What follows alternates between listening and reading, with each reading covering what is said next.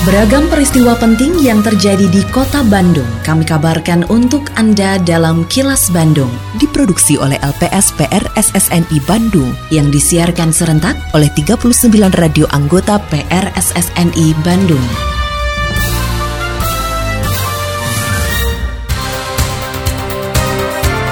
Sejumlah informasi aktual kami hadirkan untuk Anda dan inilah informasi utamanya. Sejumlah titik banjir di kota Bandung akan diaudit. Proyek KCIC menyumbang investasi di kota Bandung 2,2 triliun rupiah. Revitalisasi dorong kesadaran generasi muda gunakan bahasa daerah. Saya, Santika Sari Sumantri, inilah kilas Bandung selengkapnya.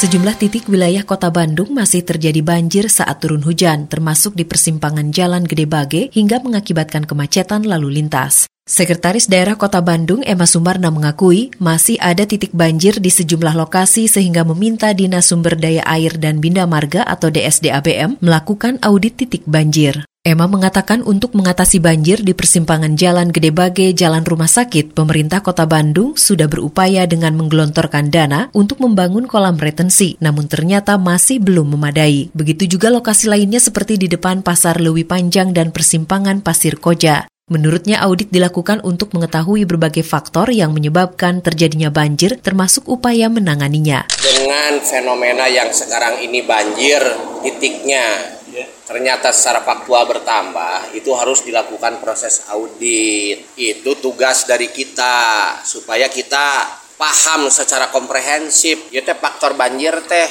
dari semua yang terjadi itu kenapa? Itu maksudnya. Artinya proses auditnya belum dilakukan. Kita minta supaya itu dilakukan. Dengan kondisi seperti ini saya minta lakukan audit. Jadi supaya nanti banjir itu saya sudah tidak ingin lagi jawabannya eta mah cilencang, cilencang naon satu ur banjir atau eta mah cilencang gitu kan.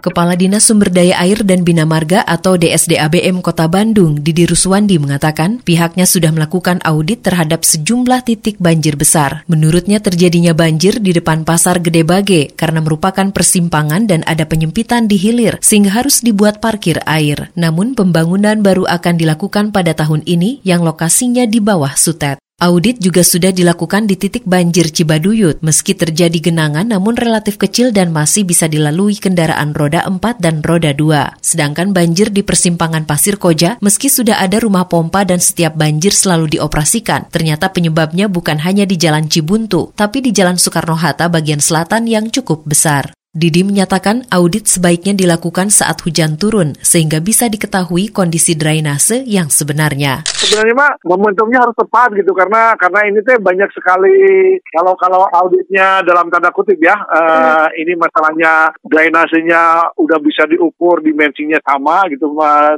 sama artinya kalau 5 meter 5 meter semua itu mudah tapi kalau kalau sekarang kan banyak sekali udah yang tertutup kemudian uh, di mana bottlenecknya itu momentumnya harus tepat, dilakukannya harus saat hujan gitu. Kadang-kadang di atasnya tidak ada masalah, ternyata di dalamnya tuh ada pipa, ada kabel dan lain sebagainya sehingga masalahnya di situ. Jadi ini uh, handicapnya seperti itulah. Nilai investasi di kota Bandung diklaim selalu melampaui target setiap tahunnya. Pada tahun 2023, angka investasi di kota Bandung ditargetkan sebesar 7,25 triliun rupiah dan hingga akhir triwulan 4 sudah mencapai 8,54 triliun rupiah atau hampir 118 persen yang merupakan penanaman modal asing dan penanaman modal dalam negeri. Kepala Dinas Penanaman Modal dan Pelayanan Terpadu Satu Pintu atau DPMPTSP Kota Bandung, Roni Ahmad Nurudin mengatakan, lima sektor terbesar investasi di Kota Bandung adalah transportasi, telekomunikasi, kimia dan farmasi, juga properti, serta hotel dan restoran. Menurut Roni, data tersebut berdasarkan laporan kegiatan penanaman modal atau LKPM para pelaku usaha, sehingga pihaknya mengapresiasi kepatuhan para pelaku usaha untuk menyampaikan laporannya. Di sisi lain, DPM PTSP Kota Bandung juga terus berupaya meningkatkan investasi melalui bantuan konsultasi bagi pelaku usaha, termasuk melakukan pengawasan. Yang pertama itu kita eh, alhamdulillah dengan adanya KCIC ya, nilai realisasinya cukup besar ini, hampir 2,2 triliunan lah. Kemudian yang kedua Bio Farma 1,1 lah. Alhamdulillah ya dari sisi investasi ini kan didapat dari LKPM laporan kegiatan tanaman modal para pelaku usaha. Pada umumnya ini patuh dan taat terhadap uh, aturan ini. Mereka memberi kemudahan kegiatan uh, penanaman modalnya dan kita upaya-upaya kita uh, pemerintah Kota Bandung khususnya uh, sesuai kewenangan DPMP TSP melakukan berbagai upaya untuk uh, meningkatkan uh, investasi ini. Suara DPRD Kota Bandung.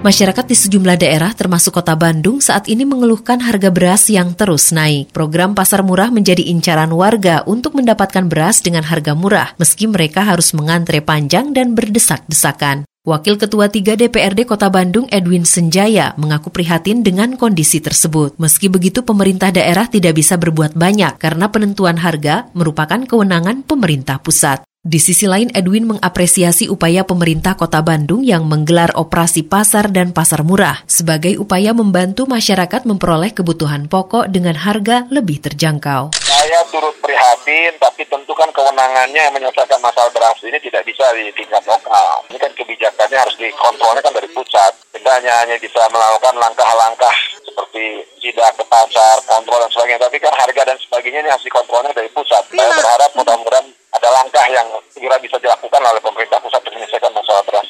Ya itu kan salah satu upaya, salah satu upaya untuk untuk meminimalisir masalah. Tapi kan tetap penyelesaiannya sudah di pusat. Ya, karena ekspor impor pusat ini yang mengatur kan semuanya juga di pusat. Pengendaliannya jadi di pusat. Kita di Bandung ini hanya ketiban masalah. Harapan kita mudah-mudahan mudah-mudahan bisa. Tapi kan sulit kalau misalnya begini pasokan berasnya kurang nih, sementara yeah. kebutuhan tinggi, ya otomatis kan harganya pasti jadi naik juga. Nah siapa yang itu membuat pasokannya itu tersedia? Kan harus dari pusat, bukan dari kota Bandung. Apalagi kita kota kita kan bukan bukan bukan daerah penghasil tadi. Kini, audio podcast siaran Kilas Bandung dan berbagai informasi menarik lainnya bisa Anda akses di laman kilasbandungnews.com. Peringatan Hari Bahasa Ibu Internasional di tingkat Jawa Barat digelar dengan menggandeng komunitas klinik bahasa. Kepala Badan Pengembangan dan Pembinaan Bahasa, Kementerian Pendidikan, Kebudayaan, Riset, dan Teknologi, Aminuddin Aziz mengatakan, dilibatkannya komunitas masyarakat pada kegiatan tersebut bertujuan agar peringatan terasa lebih membumi. Peringatan Hari Bahasa Ibu Internasional yang berlangsung di Gedung Pusat Kebudayaan YPK Kota Bandung pada Rabu kemarin diisi berbagai penampilan seni dan dihadiri sekitar 500 peserta dari berbagai kalangan. Untuk di Jawa Barat, kegiatan dikerjasamakan antara Badan Bahasa dengan klinik bahasa.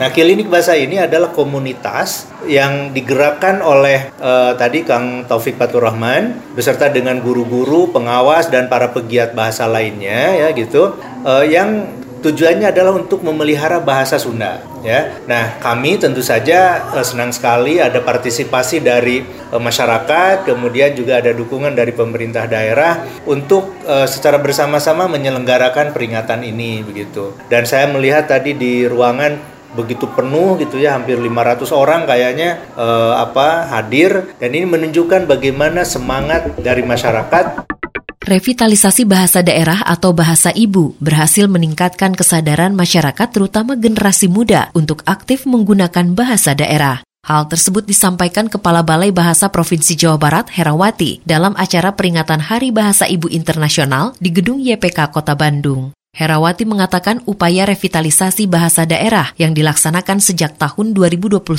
terbukti meningkatkan penggunaan bahasa daerah semakin meningkat, terutama di kalangan pelajar tingkat SD hingga SMP. Hari Bahasa Ibu Internasional diperingati di seluruh dunia setiap tanggal 21 Februari sebagai upaya untuk memajukan pelestarian dan perlindungan terhadap semua bahasa yang digunakan oleh seluruh masyarakat dunia. Kami melihat bahwa berdasarkan e, data pelaksanaan revitalisasi bahasa daerah yang sudah dilaksanakan sejak tahun 2021 bahwa setiap tahun jumlah partisipan revitalisasi bahasa daerah ini mengalami peningkatan yang sangat signifikan setiap tahunnya. Seperti itu. Dan kami melihat bahwa dengan adanya program revitalisasi bahasa daerah ini ada kecenderungan perubahan paradigma di masyarakat kita yang selama ini menganggap bahwa bahasa daerah itu mungkin hal yang tidak penting untuk diperhatikan. Tetapi dengan adanya program revitalisasi bahasa daerah ini, asumsi masyarakat itu mulai berubah. Terima kasih Anda telah menyimak kilas Bandung yang diproduksi oleh LPSPR SSNI Bandung.